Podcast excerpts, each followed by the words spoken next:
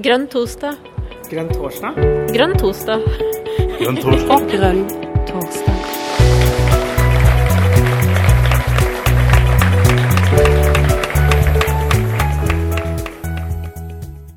Det syns jeg vi skal. Ja, da kan vi jo si velkommen til Grønn torsdag. Og Jonas, i dag så har vi jo fått med oss en gjest eh, fra dine eh, trakter. Vil du si noe mer om denne hedersgjesten? Ja, klart det. Eh, Det er eh, fra samme trakter. da. Det er ikke så mange kilometer mellom oss, eh, tror jeg. Det er Ask Ibsen Lindahl det er snakk om, som er førstekandidat for MDG i Sør-Trøndelag. Og, og dagens gjest i Grønn torsdag. Og hva er det det skal handle om i dag, Jon? Ja. Jeg kommer litt rett fra middagen, så nå er jeg, jeg er ikke helt våken. Gikk, ja, jeg har vært på fotosession med Karina på Lillehammer. oh, ja, nei, men, nei, men da er det ikke, da er det ikke, er så rart å ikke henge med. Nei. Ja, nei, jeg, jeg husker at det var Ask, men jeg husker Ask kan så mye, da. Universalgeni. Begynne på karbon og slutter slutte på fangst. Ja, eh, det, det, handler jo, det, handler, det handler jo om energi, selvsagt, men det er karbonfangst som jo er eh, tema denne gangen, eh, Jon. Eh, eh, Ja, jeg gleder meg jeg skal notere meg det. Ja, gjør det. Ta Noter deg det, Jon. um, trenger du noe mer introduksjon, Ask, eller er det OK at du rett og slett bare får ordet? Han er toppkandidat til Sør-Trøndelag, da. Ja, det er nevnt. Oi. Ja. Mm. Ja, det går bra. Jeg ser det er ganske trøndertungt i eh, salen også i kveld. Jeg vet ikke, Bruker det alltid å være så trøndertungt? Uh, ja, det hender. Det er faktisk litt mer trøndertungt enn vanlig, sånn relativt sett. Det, det har du faktisk rett i. Men det er, det er jo en heder, altså, det er jo en til din ære, så det er jo kjempe... Som trøndertrekkplaster, så blir det sånn. Ja, nei, Vi skal snakke litt om karbonfangst. Vi, eh, jeg, tar, jeg, har, jeg har ikke laga noen fancy slides, og Så jeg tenkte å prate for det meste om tematikken, og så har jeg bare henta opp noen eh, noen faner i leseren min og noen bilder sånt, til å støtte meg med. Jeg kjenner jo de fleste som sitter her, så det skal gå ikke så veldig stressa for det. Ja, vi kjenner jo alle sammen til uh, problemstillinga. Uh, det er en del som mener, eller det er egentlig ganske fastslått, at vi er nødt til å finne fornuftige måter å fange karbon på for å nå de her klimamålene våre. Og så det noen som mener at vi skal starte med å fange karbon, og så og så mener at det er kanskje noe vi skal, som kommer litt lenger ned i løypa. At vi, at, uh, vi kunne starte der, egentlig, da. Fordi eh, det er jo en del sterke forkjempere for karbonfangst, og de sterkeste forkjemperne for karbonfangst finner vi jo i dagens fossilindustri. Uh, og Litt av grunnen til det er at, at, at Equinor snakker veldig veldig, veldig, veldig varmt om denne CO2-fangsten sin. Det er jo Jeg skal ikke si at det ikke for de mener at det er viktig, men det gir dem en, en, et, et, det for som en nødvendig fortsatt license to operate. Da. Altså det er veldig mye av infrastrukturen deres som da du låser den fast. på en måte. Når du, når du bygger inn karbonfangst også, sier du OK, men vi, vi produserer olje og gass, sånn, vi, men, vi, men vi har også karbonfangst. Så da, da gjør vi opp for det, liksom. Og det er, det, det, Jeg skal ikke være mistroisk, som sagt, men, men det, er, det er realiteten at uh, det gir en veldig sånn, sterk legitimitet til å fortsette med olje at man frikjøper seg med, med karbonfangst. Og karbonfangst sånn som det er tenkt, nå skal jeg prøve meg på skjermdeling her, da. Så skal vi se om det funker sånn. Da ser dere det her bildet mitt på den nettleseren. det opp. Ser dere det? Var veldig smått. eh, Har du mulighet til å gjøre det litt større for oss, eller? Skal prøve. Ja, det. Sånn. Ja, det var bedre. Takk. Så det her er jo sånn som det er tenkt. Tradisjonell karbonfangst, og som Norge nå setter i gang i større skala, er jo det her eh, Langskip-prosjektet og Northern Lights. Så da har vi et par eh, punkt som nå er, i, som er i, eh, igangsatt som pilotprosjekt. og Spaden ble jo satt i jorda i går. Og Det er da Fortum i Oslo og Norcem i Brevik. De har jo allerede pilotanlegg som fanger CO2, men de får ikke til å deponere den CO2 noen plass. Så tanken av å bruke det som da skjer, at du tar den avgassen, enten det er fra brenning av kalk for å produsere sement, eller om det er fra avfallsforbrenning, så tar du da den røykgassen og så kjører du den gjennom en sånn aminprosess, som det kalles. Først så renser du den tradisjonelt, i hvert fall for forbrenningsanlegg, for svovel og den type ting, og så kjører en sånn aminprosess. Det aminet det plukker opp de her CO2-molekylene, og så kjøres det i en sånn eh, gass-varme-prosess for, for, å fange CO2-en. Det er greit nok. Eh, den eh, prosessen krever jo en del energi, så det er viktig å ha i bakhodet til det jeg kommer til etterpå. at Når du fanger CO2, så bruker du også energi i den prosessen. Eh, så det koster en del energi å gjøre det. Så da har vi et energitap. Og så har vi fanga CO2 i gassform, også viktig å ha med. Og så vidt jeg vet, så blir da den CO2-en i gassform flyteliggjort.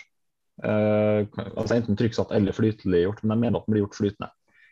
Og så blir den da komprimert flytende, eh, minus øh, Og så klype salt, jeg tror det er minus 43 grader. Og da bruker du også energi. Du, du, du komprimerer den CO2-en.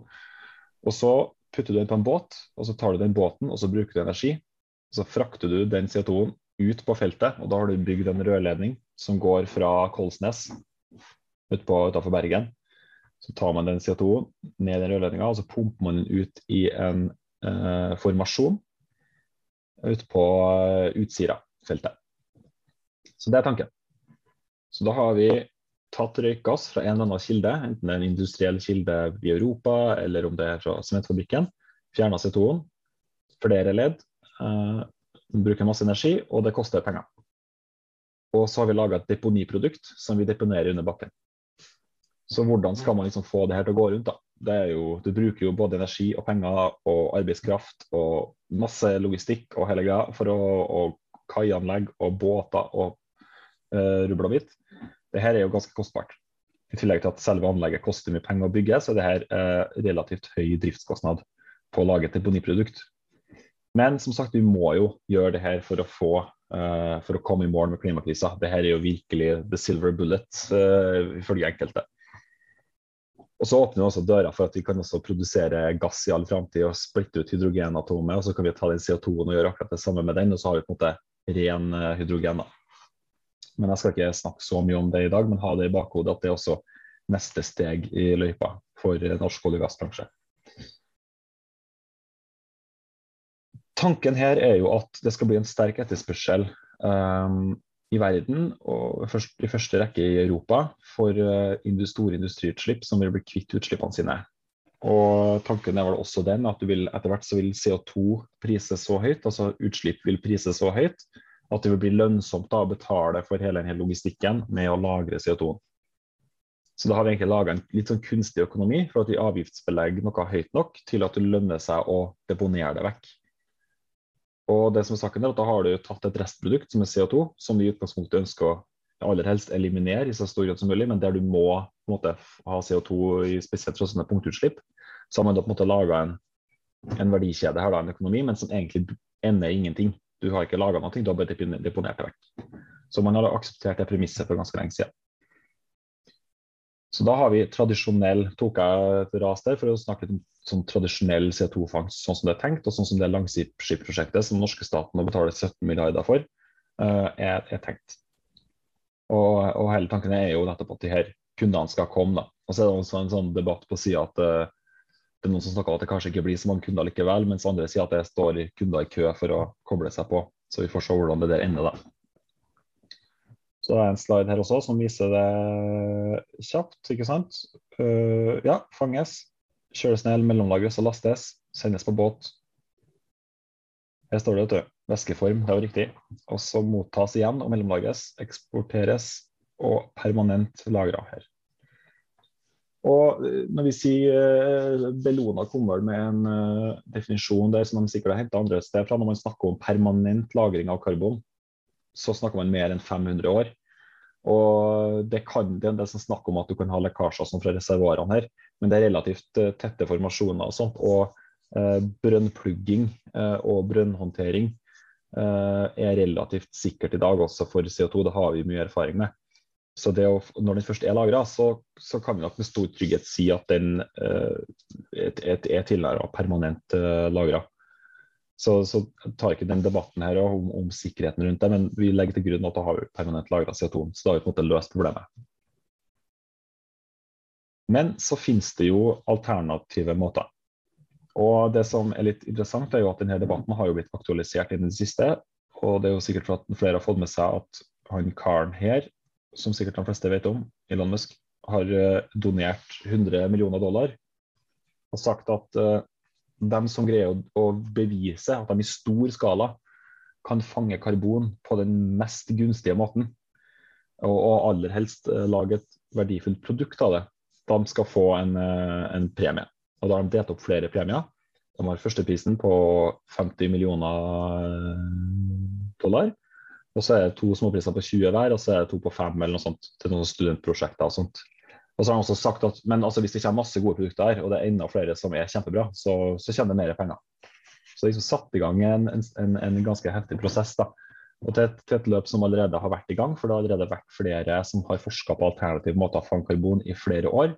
Og så får vi en sånn konkurranse da, som speeder opp prosessen kraftig. Og Det som er artig med X-Price, da, som er denne organisasjonen som det har blitt donert til, er at de har hatt en del interessante konkurranser tidligere også, som også har vært basert på donerte pengebeløp ofte. Eh, som har gitt eh, interessante, reelle framskritt innenfor ulike områder. Eh, så det, det, vil nok komme. og Det som ligger til grunn for det konkurransen, er at du skal egentlig fange karbon fra sånn som jeg har det, fra friluft. Så det, det, er litt på sida, egentlig, for det jeg skal snakke om, men det er interessant bakteppe at det skjer ting også internasjonalt. Det er stor interesse i å, i å finne fornuftige måter å fange karbon på. Og X-Price har allerede hatt en sånn konkurranse tidligere, og der er det Det var jo litt lavere, da, men det var fortsatt en, en klekkelig premie på 20 millioner dollar. Og da, Det gikk på nettopp det her hvordan du skal fange CO2 på en fornuftig måte fra punktutslipp. Så uh, de, det ble to vinnere, og begge to vinnere, uh, vinnerne de fant en metode å hente ut CO2-en på og også fra de har rensa inn da, fra, fra forbrenningsanlegg. Eh, nei, en av var fra kull, kullkraft, faktisk. Så glem kilden. De har rensa ut CO2. Og så har de brukt det i en kalsineringsprosess for å lage betong. Så de har egentlig rett og slett eh, fanga CO2-en i fast form i betongstrukturen gjennom kalsinering. Og det har de greid å gjort på det de påstår er en fornuftig uh, og, og, lønnsom måte, som faktisk også har gitt en bedre betong. Uh, og ja, Det står en lang tekst om det, så dere, dere som er interessert i å lese om det, kan få den linken. Men det er iallfall to amerikanske foretak som, har, som mener de har kommet opp hvert fall én måte å løse det her på. Og igjen så er det da fra uh, punktutslipp. Og punktutslipp er også det det norske CO2-fangstprosjektet går ut på å, å rense fra, i, i all hovedsak. Og eh, da Med det her så Ja. Jeg kan jo ta neste også, for så vidt. Skal vi se. Jo. Så da har vi, sett, da har vi på en måte fastslått at det finnes flere måter å fange CO2 på. Og Vi har jo sett på det her uh, i Trondheim, så har jo vi satt i gang et initiativ her nå. for vi ser at Hvis det er fornuftige måter å fange CO2 på, der du fanger det i fast form, så at du, for vi har det Langskip-prosjektet. Vi kan jo ta opp det igjen. Se.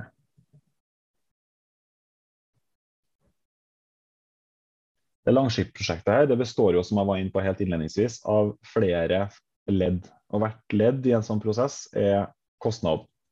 Kompleksitet og kostnad.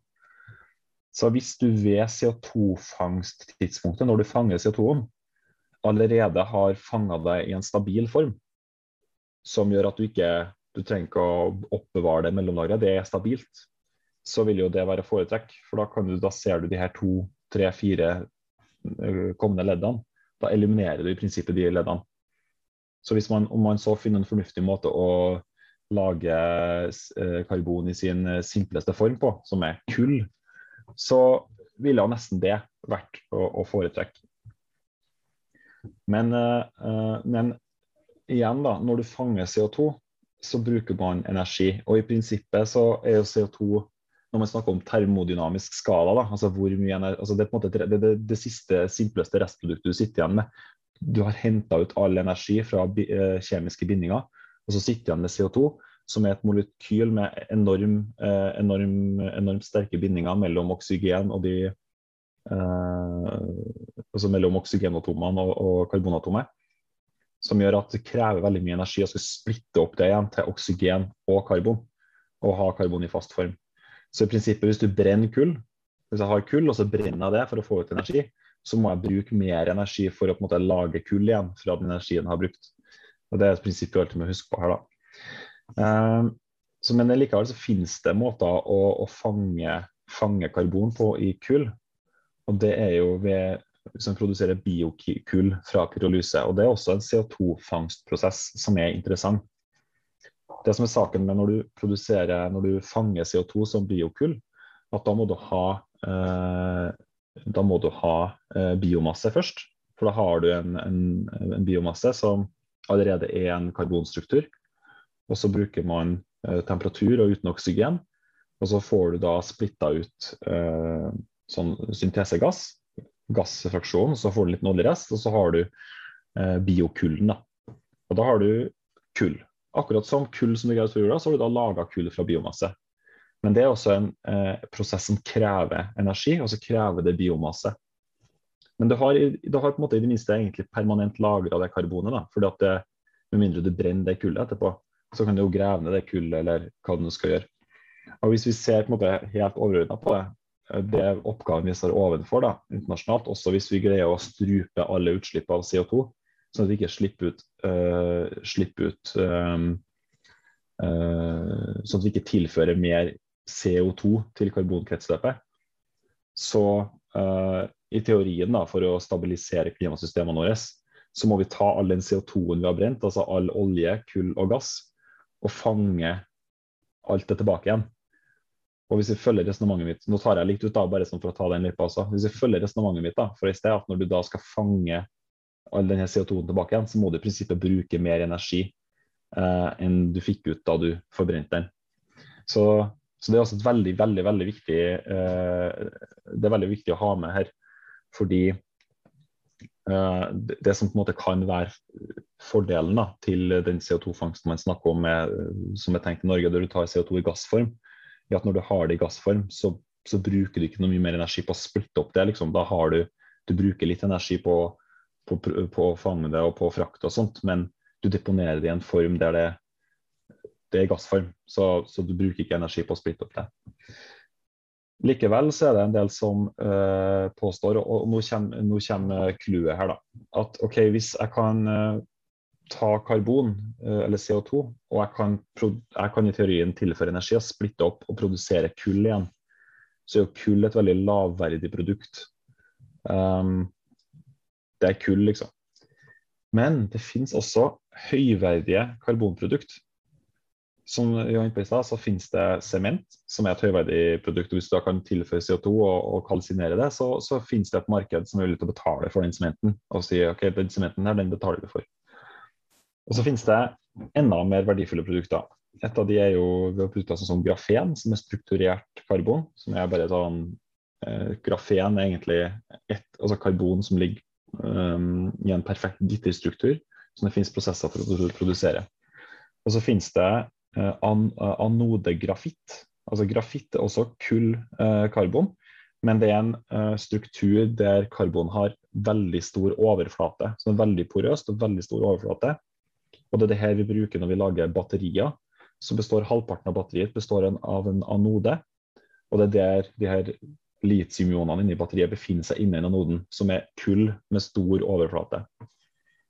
Og da er det også et Skal vi se om jeg finner riktig bilde. Da har vi eksempler på norske firmaer som har laga noe tilsvarende, som er karbon-nanorør. Som også er det som I stad snakka om grafen, som er en sånn gitterstruktur med karbon. Men det her er da en rørstruktur med karbon. Og det her er da firmaer som mener at de har laga en prosess der de greier å få avsetninger av det her eh, nanorørkarbonene på en veldig energieffektiv prosess. Med en veldig energieffektiv prosess. Så nå har vi vært innom flere konkrete eksempler på potensielle måter å, eh, å fange karbon på. Gassform, eller eh, du kan i prinsippet lage kull av det, veldig energikrevende. eller du kan bruke det til å kalisinere eh, CO2-et i betong, eller du kan lage eh, strukturert karbon. Og det som er saken med strukturert karbon, at selv om at du må bruke mer energi på lageret, sannsynligvis, enn å bare fange CO2 i gassform, så vil det stå igjen med et produkt som har veldig høy verdi. Veldig høy markedsverdi. Så da har du, da har du gjort det vi tradisjonelt gjør. altså Vi lager masse silisium i Norge. Da tar vi stein og så tar vi masse strøm. Uhorvelige mengder med strøm. Og så foredler vi det til et høyverdig produkt som er aluminium. Og lager du et høyverdig produkt som det er høy etterspørsel etter, som i det tilfellet her uh, strukturert karbon, så står du plutselig med en, uh, med en uh, næringskjede hvor du har tatt et restprodukt, CO2, og prosessert det og laga et høyverdig produkt i andre enden. Så Det er rett inngangen vårt til initiativet vi satte i gang i Trondheim. At OK, nå skjer det store ting internasjonalt. Uh, vi har enorme mengder karbon som vi på en måte er enige om at vi må få ut av atmosfæren på noe vis, eller i det minste fra punktutslipp som er vanskelig å kvitte seg med i industrien f.eks. Og vi, da har vi to spor. Vi kan deponere det som et sluttprodukt med null i verdi, uh, eller negativ verdi, egentlig, fordi det koster enormt mye å fange CO2 og fange den. Eller vi kan gå inn for å i større grad utforske måter å lage fornuftige næringskjeder og koble det her opp mot, eh, opp mot råvareindustri. Og Da ser vi i Norge så f.eks. snakk om at man ønsker å bygge ut masse batterifabrikker. og På Herøya i Porsgrunn nå så bygger eh, jeg tror det er Elkem og Hydro en av dem bygger en stor eh, anodefabrikk. Men da er det snakk om å hente grafitt ut fra gruva da, og så lage anoder med det. Men hvis man da i stedet for kan, for kan ta CO2 som er fanga, og heller produsere denne anodegrafitten fra det, så ville jo det vært optimalt. Det er ikke sikkert at det blir akkurat det som skjer, men vi har satt i gang et prosjekt, eller vi har satt i gang uh, en uh, prosess nå som det ser ut som de får med oss et flertall i Trondheim bystyre på. Og hvis vi får med oss koalisjonen, så vil det ta seg veldig dårlig ut om Høyre og Frp stemmer for noe som er så ekstremt næringsvennlig som det å se på det som er i dag et problem, og se på hvordan man kan være en pådriver til å gjøre det til en mulighet i stedet for. Så da har vi laga en interpellasjon som rett og slett går igjennom det. Jeg kan jo lese den opp høyt. da. Eh, det at Trondheim må gå foran i foredling av fanga karbon i fast form. I Trondheim har vi som mål å kutte utslippene av CO2 innenfor kommunens grenser med 80% fra 1990-nivå til 2030. For å få til det, så må vi eliminere utslippene fra forbrenningsanlegget på Heimdal, som står for rundt 25% av de totale CO2-utslippene i kommunen. Det har i mange år vært snakk om å få på plass et anlegg for fangst av CO2 i gassform på Heimdal, for videre deponering. Med tidsskjemaet vi nå har foran oss, og behovet for infrastruktur, framstår det i dag som svært urealistisk at vi vil få på plass et fullt fangst- og lagringskonsept innen 2030. Fangst av CO2 i gassform krever også betydelig mengde energi, og sluttproduktet som skal deponeres, har utgangspunktet ingen bruksverdi. Det er sannsynlig at det i siste rekke blir kommunens innbyggere som må betale for store deler av satsinga, i hvert fall i driftsfasen, enten via renovasjonsavgift eller via økt pris på fjernvarme punktutslippets størrelse og de ukjente, men sannsynligvis enorme endelige infrastruktur- og driftskostnadene for et samla CO2-fangst- og lagringsløsning basert på deponi av avgasser, gjør at et slikt konsept framstår som suboptimalt og lite økonomisk bærekraftig. I de senere årene har det skjedd en stor utvikling innen ulike metoder for å fange og konvertere CO2 til nyttbare produkter, om det så er karbonanrør, grafen eller som innsatsmiddel i sementproduksjon. For de her konkrete eksemplene eksisterer i dag verifisert og utprøvd teknologi, men det arbeides også med andre løsninger blant et mangfold av aktører verden over. Noen teknologier er basert på bruk av utskilt CO2, mens andre ligger an til å skille ut og fange CO2 direkte fra røykgassen. Ved den typen lagring av CO2 i fast form ender man ikke bare opp med et potensielt verdifullt produkt for fangstprosessen, men karbonet lagres også permanent i fast form med lang levetid. Det må være kriterier for å kunne defineres som fullverdig karbonfangst eller -bruk som bidrar til netto utslippsreduksjon. Selv om også slike fangstløsninger krever ulik grad av tilført energi, sitter man igjen med produkter med potensielt høy verdi. Så da er spørsmålet vårt til kommunedirektøren da. det er for det første eh, vil det være mulig å sanksjonere utslippspunkt innenfor kommunens eh, rammer hvis de ikke når eh, For Statkraft har jo sagt at de skal løse det problemet innen 2030. Det tror jeg som er som så som så, om de får til. Eh, så spørsmålet om kan vi sanksjonere dem. Sannsynligvis er svaret på det nei, det kan vi ikke. Men vi må jo gjøre noe med nasjonal politikk for å få opp tempoet på de utslippspunktene. Og så er det om ordføreren vil ta initiativ til et utredningsprosjekt hvor kommunen setter seg ned med Statkraft og undersøker mulighetene for denne typen permanent fangst av karbon. Med mål om en prosess hvor ulike tredjepartsleverandører av løsninger for lagring av karbon i fast form inviteres inn i prosjektet. Og Det er det også eh, forslaget til vedtak lyd. Og Det som er så bra med det her, da, er at jeg har snakka med Statkraft, og vi har også snakka med koalisjonspartnerne våre. Og de har sagt at det her er ikke noe problem, fordi det er allerede et sånt arbeid eh, igangsatt. Og så snakka med han som hadde ansvar for CO2-fangstløsninger på eh, arbeidet da, på, på eh, Heimdal. Og han sa at de har en sånn, har en sånn arbeidsprosess og sånn, men det er liksom ikke så, det er ikke så mye fokus på det. Så det som jeg håper nå, er at med et sånt tydelig initiativ fra kommunen, hvor kommunen sier at det her er noe vi faktisk ønsker å satse på, eh, så gir det litt mer sånn det gir litt mer svung på, på, det å faktisk se på alternative metoder for CO2-fangst. For vi mener at med de her utslippspunktene som ligger i mellomsjiktet, det er ikke et kjempestort industrielt utslipp, uh, men det er, et, det er, et, relativt stort utslipp. Og i regionen vår et relativt stort utslipp. Og så tror vi at for de her mellom uh, altså utslippspunkt som ligger i mellomsjiktet størrelsesmessig, er veldig egnet for denne typen uh, bearbeiding av karbon. Og så må jo selvfølgelig Trondheim gå foran her. Vi er jo kunnskapsbyen, liksom. Eller det er, sånn, er et sånn munnhell. da. Jeg syns det er litt sånn svada, men Nei, jeg skal ikke si det. Men, men, men vi er veldig, veldig flinke til å si at vi er kunnskapsbyen. Og da, da, må vi prøve å leve opp til det så godt vi klarer, tenker jeg. Og så um, Ja. Det er, egentlig, det er, egentlig, det Da har dere fått løypa fra ulike typer karbonfangst til vårt forslag. Og så vil jeg jo egentlig avslutte med å si at det finnes også andre former for karbonfangst og bruk. Uh, og det er for det meste bullshit. hvis vi bruker karbon, hvis vi fanger karbon fra lufta til å lage det vi kaller for syntetisk drivstoff, eller e-fuels da f.eks., så tar du kan ta den samme, for det er viktig. Bellona har satt litt lys på det her, med en glimrende rapport som går helt til kjernen på hvorfor det her er bare helt uh, crazy opplegg. Fordi da tar du masse fornybar energi, og så lager du elektrisitet, som er den mest høyverdige formen vi har for energi. Um, det, den er høyverdig fordi at du kan omsette nesten all energien i elektrisitet til arbeid. Mens andre energiformer, som uh, termisk energi, altså du brenner kull og sånn, så, så det er veldig vanskelig å omgjøre det til arbeid. Mens elektrisitet kan omgjøre nesten all elektrisiteten til arbeid, uh, men med lite varmetap. Da. Så det er det vi kaller høyverdig energi, eller XRG, da heter det. Så graden av XRG i elektrisitet er veldig høy.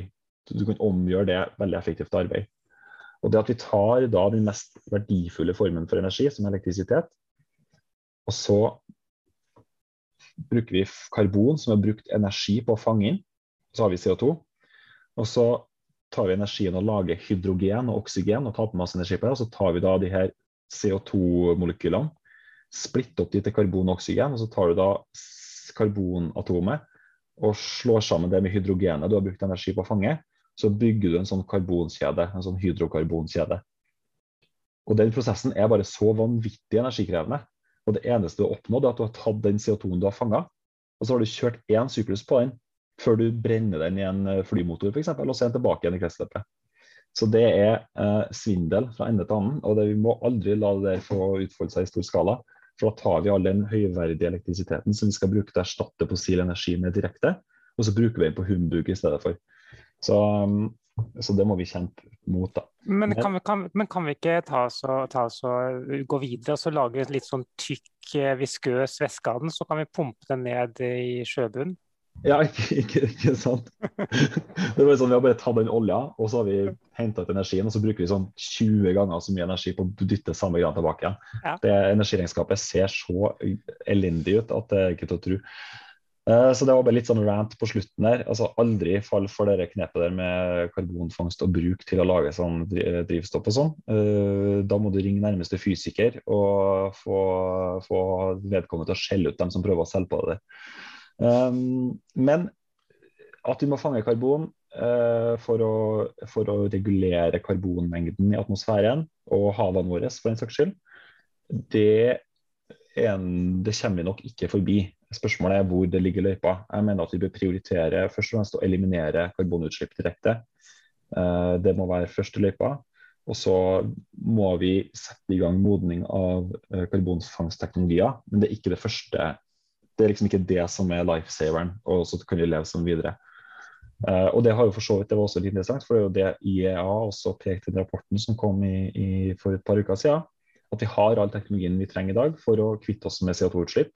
Så det viktigste vi gjør, er å slutte å lete etter å brenne mer fossil energi. Så når uh, oljenæringa snakker om CO2-fangst, så er sånn, ja, ok, greit, vi må sikkert ha det på et tidspunkt, men det skal aldri få være en unnskyldning for å kunne fortsette som før, og ikke gjør noe med det grunnleggende problemet, som er forbrenning av fossil energi. Så med det eh, tror jeg jeg har vært igjennom. Jeg har ikke så mye mer å si om karbonfangst. Det er i hvert fall eh, så vidt jeg vet det jeg kan om det.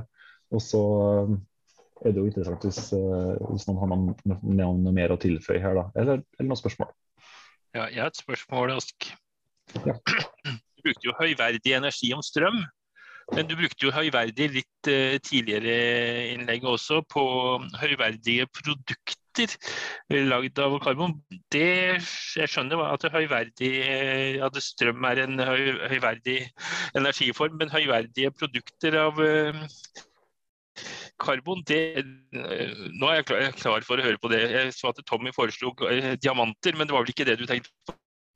Nei, ja, diamanter er et godt eksempel. Du kan si at uh, diamanter er et godt eksempel på høyverdig karbon. Altså, hvis du har en kullklump i ene hånda og en diamant i den andre hånda, så sier seg selv at diamanten er ganske mer verdt enn kullet. Men diamanter krever veldig mye energi å lage igjen. så uh, nei, det som Jeg mener at uh, jeg har brukt en analogi som jeg tror kanskje er ganske dårlig, men jeg bruker den likevel. for jeg tenker at huset jeg sitter i, det huset her, er verdt ok, Hvis vi ser bort fra plassering og lokasjon og sånt, så huset jeg bor i, i dagens marked, uh, i snitt uansett uavhengig av hvor det står, så kanskje det er det er tomannsbolig. så ikke, Jeg bor ikke i et hus som er verdt så mye, men hele huset er kanskje verdt seks millioner kroner, eller noe sånt. Seks-sju millioner kroner. Det er en tomannsbolig i, i Trondheim. Um, la oss si det. Seks-sju millioner. Men hvis jeg tar materialene huset er laga av, altså river jeg huset ned og så brenner jeg dem eller selger dem, sånn, så får jeg jo ikke noe penger for de materialene. Det er jo ikke verdt noen ting da. Og, og, litt sånn tenker jeg at Fordi at huset har en verdi fordi det er et hus, fordi at jeg kan bruke det som et hus. Men hvis jeg brenner opp materialene her, eh, så gir det meg ganske lite fyringsverdi da, for å si det sånn, kontra verdien på huset. Og Sånn er det litt med karbonat. Hvis jeg har en klump med kull som bare er brunkull, og som er full av eh, forurensninger, arsen og masse rart, og det er ikke noe, Jeg kan ikke bruke det til noe materiale annet enn å forbrenne det i et kullkraftverk og hente ut varmen fra det. Så har det en veldig liten verdi. En sekk med kull kjøper butikken for 30 kroner. Men hvis jeg strukturerer karbonet og lager en eh, kjempefin sånn nanostruktur som jeg kan bruke til å lage et skikkelig bra batteri med, f.eks., så er plutselig det, det samme kullet verdt 35 eh, 000 kroner per kilo.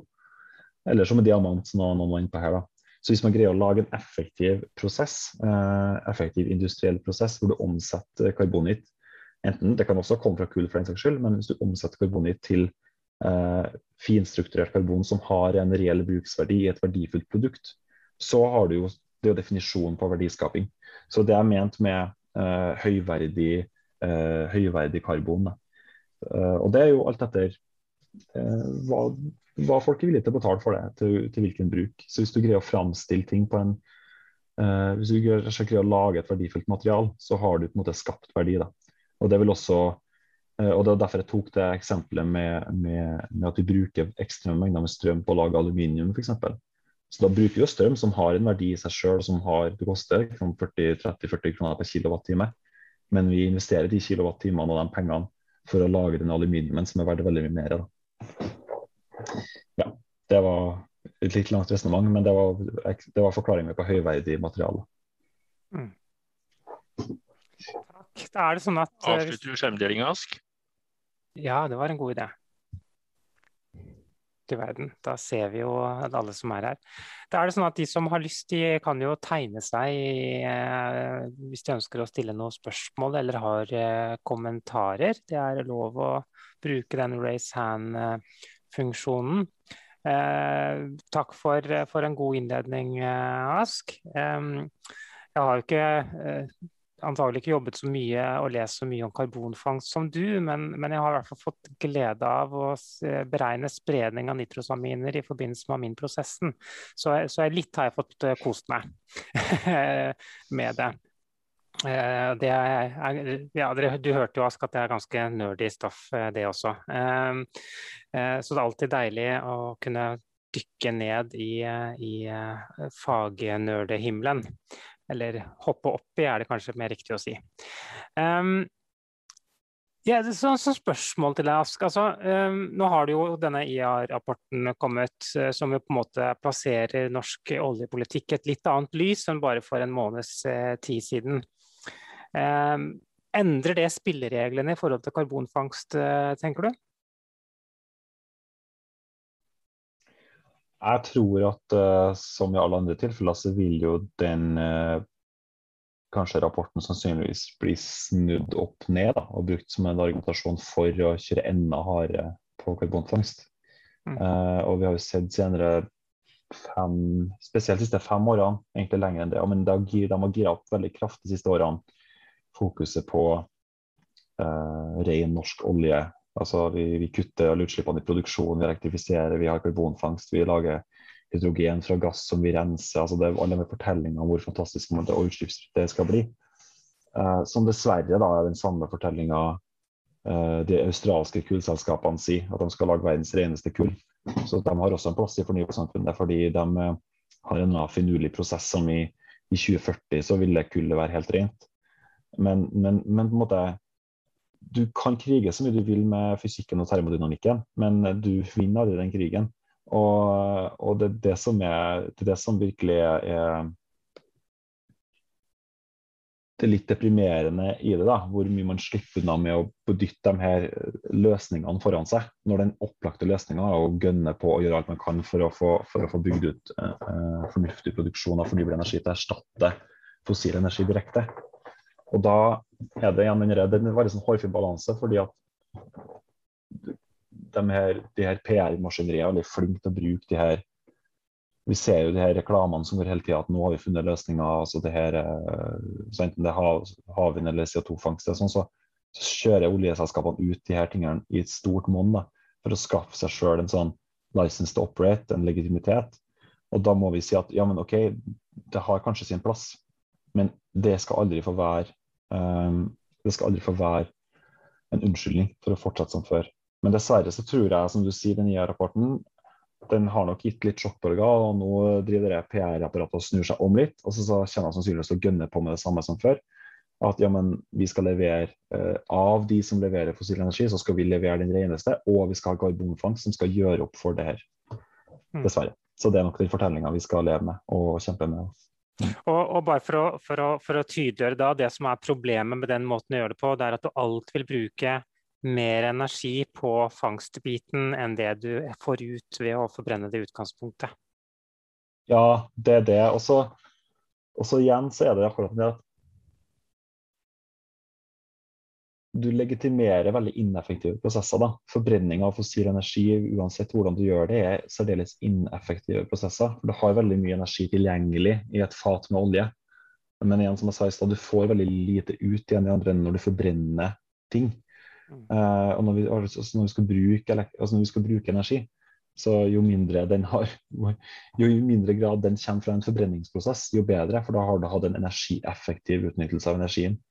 Så og, og, og så lenge CO2-fangst eh, brukes til å legitimere en forlengelse av antall år vi driver og forbrenner fossil energi, mm. så, så, så det, det, det, regnskapet går ikke opp. da. Så, så mm. det, jo raskere det er derfor jeg sier at det kan være en løsning, men den må komme mye lenger ut i løypa på de um, altså Du starter ikke med å plukke det høyeste frukten på treet, du starter lavest. Det er det som eh, det, det, Jeg tror vi må argumentere sånn. At mm. lave, laveste hengende frukt på treet er å erstatte fossil energi. Punktum. Mm. Ja. ja nei, men takk, eh, takk, for det. Eh, og så tenker jeg at, at det å, å eh, foredle til et eller annet drivstoff for så å forbrenne det, eh, er jo for så vidt en måte man kan få fraktet energi på, da, og bruke den infrastrukturen man allerede har. Så det ligger jo kanskje en, noe gunstig i det i noen spesielle settinger, men det du sier er vel at det er ikke det vi skal satse på som den universelle løsningen. Har jeg forstått deg rett? Det er riktig. Uh, altså, fly det er det siste vi elektrifiserer. Det kan få gå på flybensin i mange år fortsatt. Det er mm. ikke det som redder, Vi redder ikke klimaet med å starte ved å fjerne flyene. Mm. selv om vi skal redusere flyginga. Den risikerer du å bli sitert på av eh, noen. Eh, Gunn Kari, du har bedt om ordet. Det skal du få. Vær så god. Eh, takk. Eh, meget spennende innledning, Ask.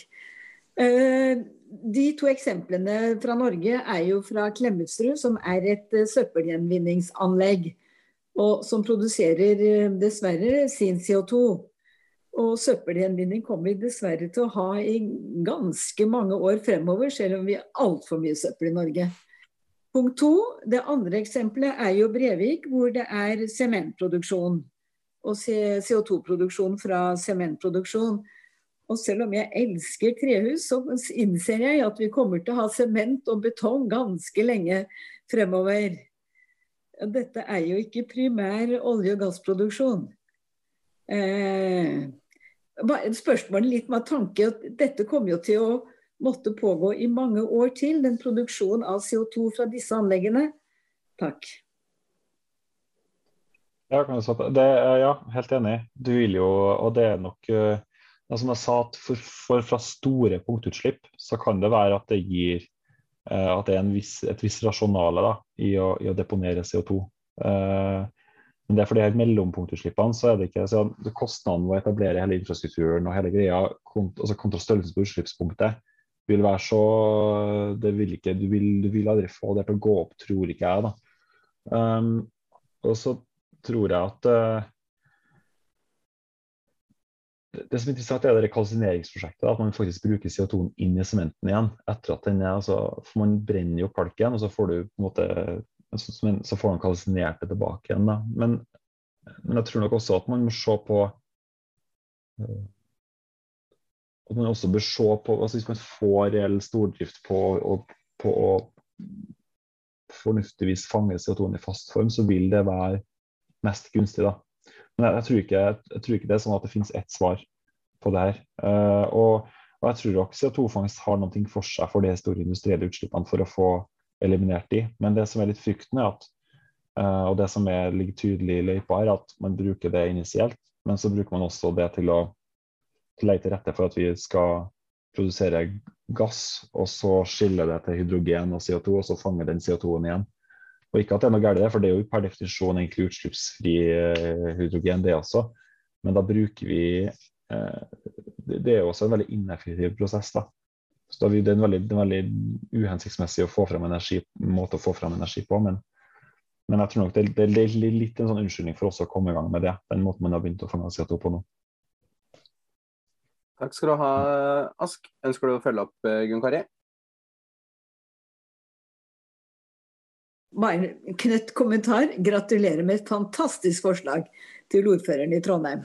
Det går sikkert gjennom. Gratulerer. Takk. Ja, det tror jeg blir bra. Jeg gleder meg til neste bussmøte. Da er det Marita som er neste på lista. Vær så god, Marita. Ja, hei. Um, jo, jeg, jeg, var ikke klar over den, eh, den der interpellasjonen. Jeg syns det var veldig, veldig spennende at, eh, at, du kom med den til Trondheim eh, nå. Vi har jo òg et punktutslipp i Verdal. da. Det er sånn brent kalkfabrikk. Forstår jeg deg riktig hvis at altså, det, det, det utslippet her utgjør jo 200 000 biler i året. Eh, tror du at eh, den beste måten å eventuelt rense det utslippet på, er jo kanskje å, å, gjøre det samme som, som eh, i Trondheim, da eventuelt? At, eh, at, vi, at, det går an å lage produkt ut av det, eller er det, er det ja, er det såpass stort eller passelig at det, at det kan være, være, en mulighet, tenker du? Jeg tror det vil, det vil vise seg litt. Altså, det utslippet på, I Verdal er det største utslippet vi har i Trøndelag. Største punktutslippet. Større enn uh, forbrenningsanlegget. Det var dobbelt så stort. eller noe sånt. Uh, så veldig CO2-intensivt. intensivt.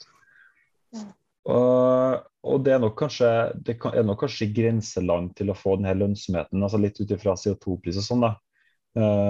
For deponi, kanskje. Men jeg, jeg tror nok som sagt, det er jo ikke, det er ikke hyllevareteknologier nå av det her som er tilgjengelig i stort monn i dag. Og, og, det vil nesten tida vil nesten vise da, hva det finnes. Men jeg tror at hvis du får prosesser eh, som er skalerbare og modulære, og som du, i hvert fall hvis du kan koble rett på en pipe, da, rett fra, eh, røyk, fra en røykgass, mm. så vil det være å foretrekke for uh, Altså det vil jo etter hvert etablere seg et eget marked for det for aktører som bruker CO2-utslipp på den måten til, til, å lage verdifulle produkter. Men mm. det her er jo litt sånn fødselshjelp, egentlig. Um, for, for, altså etter hvert så vil jo da de CO2-utslippene nesten bli en uh, ettertrakta vare. Men jeg tror nok vi ikke kommer forbi at vi også må fange CO2 i, i sånn som det er tenkt. da. Og da tror jeg nettopp det er store punktutslippene sånn som eh, Breivik og Verdalen og sånt, er nok de som er Og Verdal. ja, jeg sa vel Verdal. Ja. At, ja. At det er dem som kommer til å bli deponert i gassform, da, tror jeg. Mm. Jeg fikk jo lyst til å stjele det her forslaget eller interpellasjonen din, da, til Verdal. ja, det er bare å starte. Og kanskje vente litt. Se hva man sier si i Trondheim først. Ja, det er greit. Takk. Eh, du brukte jo også på høyverdig i dag, Ask. Du har brukt det begrepet så mange ganger. og jeg tror faktisk at du snakka om at det å forbrenne olje ikke var høyverdig bruk av olje, så da har jo jeg spørsmålet hva, er, hva, hva tenker du på med høyverdig bruk av olje? Jeg, jeg, vet ikke om jeg sa det, men, uh, men uh, Jo, jeg tror du gjorde det. Vi får sjekke etterpå på opptaket. ja. ja. Nei, uh, Nei, for, altså, for eksempel, pla, pla, plast er jo et fantastisk produkt. Det er jo ikke noe tvil om det. Så man jo selvsagt diskutere om, om, man må lage det av olje, men det mm. Ja, nei, men eh, det var kanskje litt ubevisst bruk av språket. Eh, Surnadal MDG har, eh, han er oppe. Jeg er litt usikker på hvem som gjemmer seg i Surnadal. Det er Erik Moen. Ja, velkommen. Mm. Hva lurer du på? Ja, mm. Eh, det, det, lurer jeg på. Jeg kom litt sent inn, jeg var ikke med fra starten, så jeg lurer på om biokål har vært med Eh, her, her har vi et fjernvarmeanlegg der vi har biokjel og elkjel i tillegg til uh, som kan lure på å få inn en, en, en mindre biokjel for å kunne bruke mer bio. Og I den forbindelse så lurer vi på å lage biokål. Så vi har behov for på grunn i jordbruket der vi har uh, lite uh, karbon i jorda. Det er at vi bare gjør det så enkelt at vi eh, kaller pump eh, flis eh, gjennom en biokjel, der at eh, sengass og olje blir forbrent da, i lag med eh, flisen ellers. Og da, da har vi noe eh, Plantene har nå bundet inn karbonet, og da blir det noe eh, fast i jorda for mange år. I tillegg til at det det er et middel som eh, holder til vare på eh, både mye luft i jorda, og at det kan holde på vann. Ja, jeg, jeg, var, jeg var innom biokullprosessen, og det, og det, jeg synes det er veldig interessant. Det er bare at Og det har definitivt noe for seg, tror jeg, av de grunnene du peker på. Um, også spesielt hvis du kan kombinere det da, med at du har fordi at eh, Biokullprosessen er jo endoterm, så den bruker du jo varmeenergi på å produsere biokullet. Men den gass, syngassen og oljeresten du får ut, kan du jo da forbrenne etterpå, som du sier, i et eksisterende anlegg ved siden av.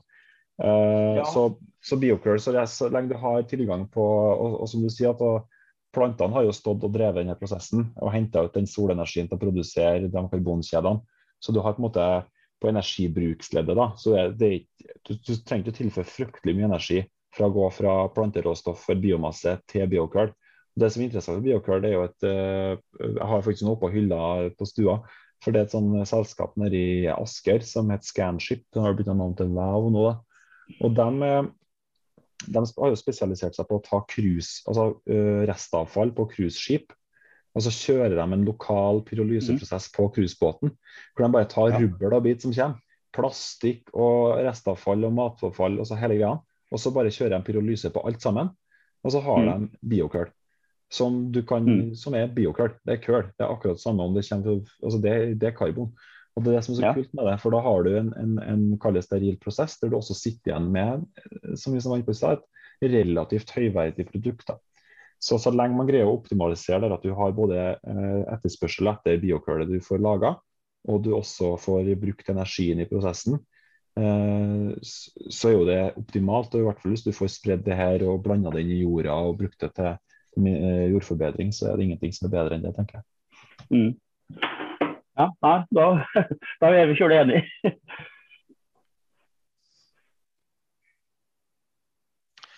Takk. Nå har jeg tenkt å gi ordet videre til Jonas, men jeg kom på det at jeg stussa over at ikke du har brukt begrepet grønnvasking, som en del andre de har brukt. Men det var kanskje en bevisst tanke å unngå det. Du var litt bevisst på begrepene dine. Men vi slipper på Jonas, vi skal slippe å kommentere det. Hva lurte du på, Jonas? Mm. Jo, takk for det, Jon. Jeg lurer litt på hvordan vi skal snakke med velgerne om det her. For det er jo et, eh, er jo et valg, vi skal, valg, vi skal, vinne. Og eh, vi Altså når jeg, når jeg hører deg prate nå om eh, den måten å fange CO2 på og bruke den til eh, å skape noe nytt, altså det høres jo eh, ut som på en måte et politisk budskap som vi burde eh, bruke ganske mye energi på å fremme tenker jeg da. Hvordan ser du på, må, på en måte for deg og at eh, vi skal snakke med velgere om eh, karbonfangst? Hvis vi, skal, hvis vi, skal, snakke med de om det, da. Det vil jeg, lurer jeg også på hva du tenker om. Det er jo et fryktelig komplekst tema. Du når kanskje under 1 av befolkninga å snakke om CO2-fangst. Uh, så som en pedagogisk oppgave er den eh, krevende. Men det jeg tror som er veldig viktig, er å få fram den her Og det er, jo, altså det er jo reelt at vi er jo et reelt pragmatisk eh, grønt parti som også Vi er jo også næringsvennlig. Og det tror jeg er også veldig viktig å få fram at man vi er jo selvfølgelig med å prøve å se mulighetene i ting. og, og og prøve, å utforske mulighetsrom for å se kan vi skape nye sirkulære næringskjeder i stedet for å ha den helt lineære måten å tenke på. Og Jeg tror at det skaper et rom for oss til å, til å vise oss fram fra den sida også. At vi er ikke, det er ikke bare nei og vi skal stenge alt sånn. Så det at vi er begrunna skeptisk til veldig mye av, eh, av gode grunner. Og, og, da bør vi svare opp det med gode alternativ.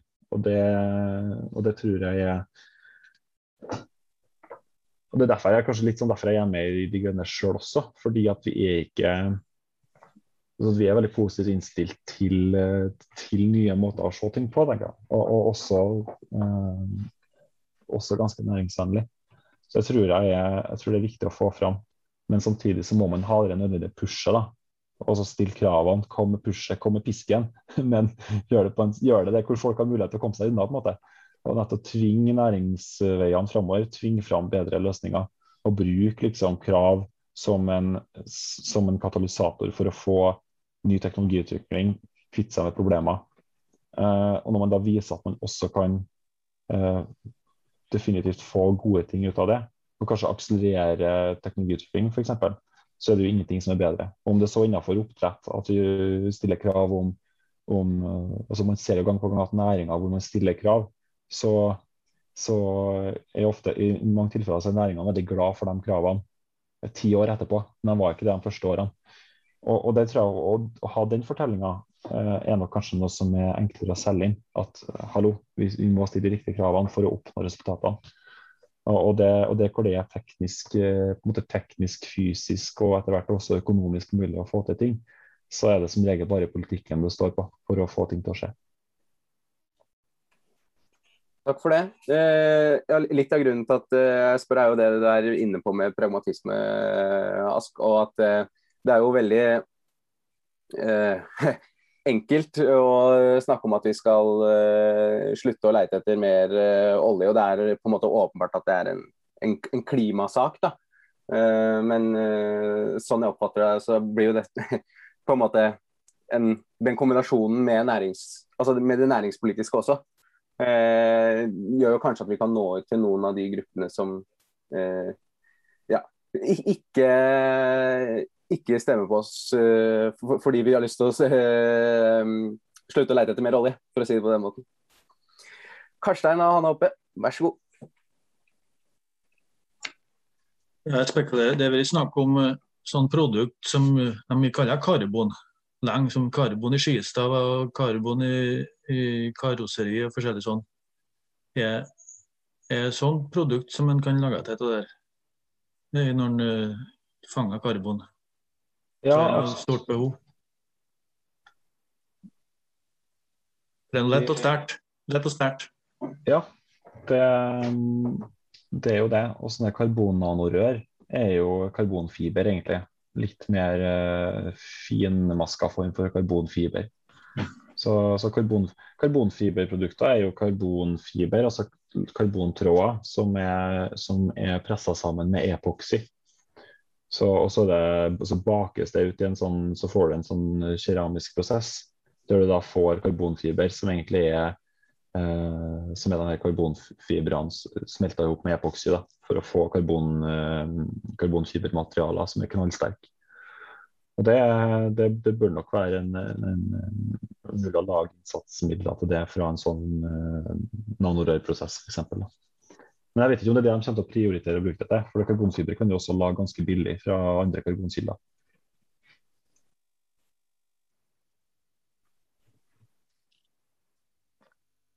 Har du noen kommentar? Er du fornøyd, Karstein? Ja. kan jeg avslutte med å si at ja. Eh, jeg synes jo når man snakker om det her, eh, og derfor jeg har lagt litt vekt på å komme med en del forbehold da, si at det er ikke rett fram og sånt, og vi skal liksom pushe for å, for å skal åpne, åpne, se hvor det finnes mulighetsrom for ting. Eh, men når man, når man ser på det, så er, vi, er det liksom nesten utopisk. Det er liksom for godt å være sant at du kan ta et produkt, et problem, da, og gjøre det opp til, til, til verdifulle produkter. Men så ser jo vi at, uh, ser det opp gjennom industrielle historien. så har man hatt ekstremt ineffektive prosesser som man har effektivisert. Og så har man gang på gang sett historien at du har hatt det som tidligere har vært eh, søppel og avfall og forurensningsproblem, har blitt omdanna til verdifulle produkter. Og det, eh, det, må vi jo bare fortsette med, tenker jeg, uansett hva det er snakk om. Og, og Vi snakka om forbrenningsanlegg i stad, og, og, da har vi sett at f.eks. flygeasken som man tidligere har deponert sammen med svovel, eh, svovelsyre fra titanproduksjonen. Og så deponerte på lange. Så, ja, men også flygeasker kan man også hente ut masse salter sånn fra, som også har verdi. ikke sant? Så, så det kommer prosesser hele tida som utnytter og utnytter eh, restproduktene i det som vi tror er avfall.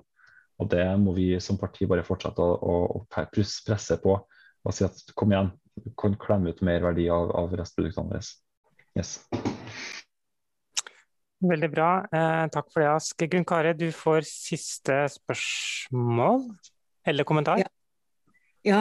en liten kommentar. Det er meget spennende det med karbonfiber og alle mulighetene med karbon i, i også jord osv. Men likevel, det er jo sånne enorme mengder CO2 vi spyr ut. Så det, det kan ikke bli en unnskyldning for å la være akkurat Aske, du var inne på det. Dette her kan bli en unnskyldning altså for å ja, for å la være å stoppe alt det andre. Det var bare den reaksjonen, for det er så enorme mengder vi spyr ut at det er nok karbon til karbonfiber og grafen og alt dette her. Det er mer enn nok til å lage alle de produktene vi trenger eh, av karbon, da. Er det ikke det? Jo da, plenty. Massevis. plenty, massevis. Det, er, eh, det blir siste ord i, i, i, denne Grønn torsdag. Så nok en gang tusen, tusen takk, Ask. Vi kan vel si det sånn at vi har lært et ord som heter høyverdig eh, i dag. Eh, og, og, jeg opplever jo definitivt at eh, MDG er i stand til å odle frem høyverdig politikk og høyverdige politikere. Eh, så, så det, det, er, det, er, noe vi skal ta med oss. Eller hva, Jon? jeg syns du tok litt av, jeg nå. ja. Nei, men eh, positivt lada ord, eh, som noen var innom, så er, for, har MDG ofte merkelappen at det er nei. Og høyverdig er jo helt, helt klart et positivt eh, Det høres nesten ut som sånn, litt sånn der domkirken i, i, i Nidarosdomen. ja. Men noe som derimot ikke er høyverdig, det er internettlinja di, Jon. Så jeg håper jo at vi skal vinne valget, så vi får internett i Innlandet.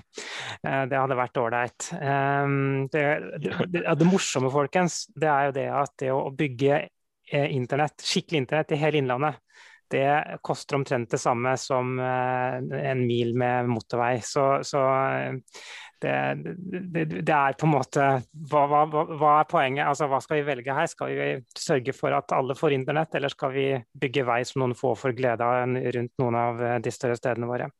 Det er interessant problemstilling, det også. Men det er ikke tema for i dag, det, fordi vi er ferdig for i dag. Neste gang det blir jo om en uke. Eh, og Jonas, jeg har skjønt det sånn at vi har ikke helt runda hvem det er som skal inn i ilden, men det ligger vel an til at det blir en av stortingskandidatene våre, om jeg ikke har forstått det helt feil? Nei, du har forstått det helt rett. Så vi jobber med saken, og grønn torsdag blir det. Og eh, vi håper selvfølgelig at eh, alle som har vært med i dag, blir med oss neste gang. For det er sånn det blir, det er sånn det blir torsdag, ja for å si det på den måten. Det er helt riktig. Så tusen takk alle sammen for nydelig oppmøte. Dere har farget min torsdag litt grønnere, og det setter jeg stor pris på. Så ha det godt. Ha det.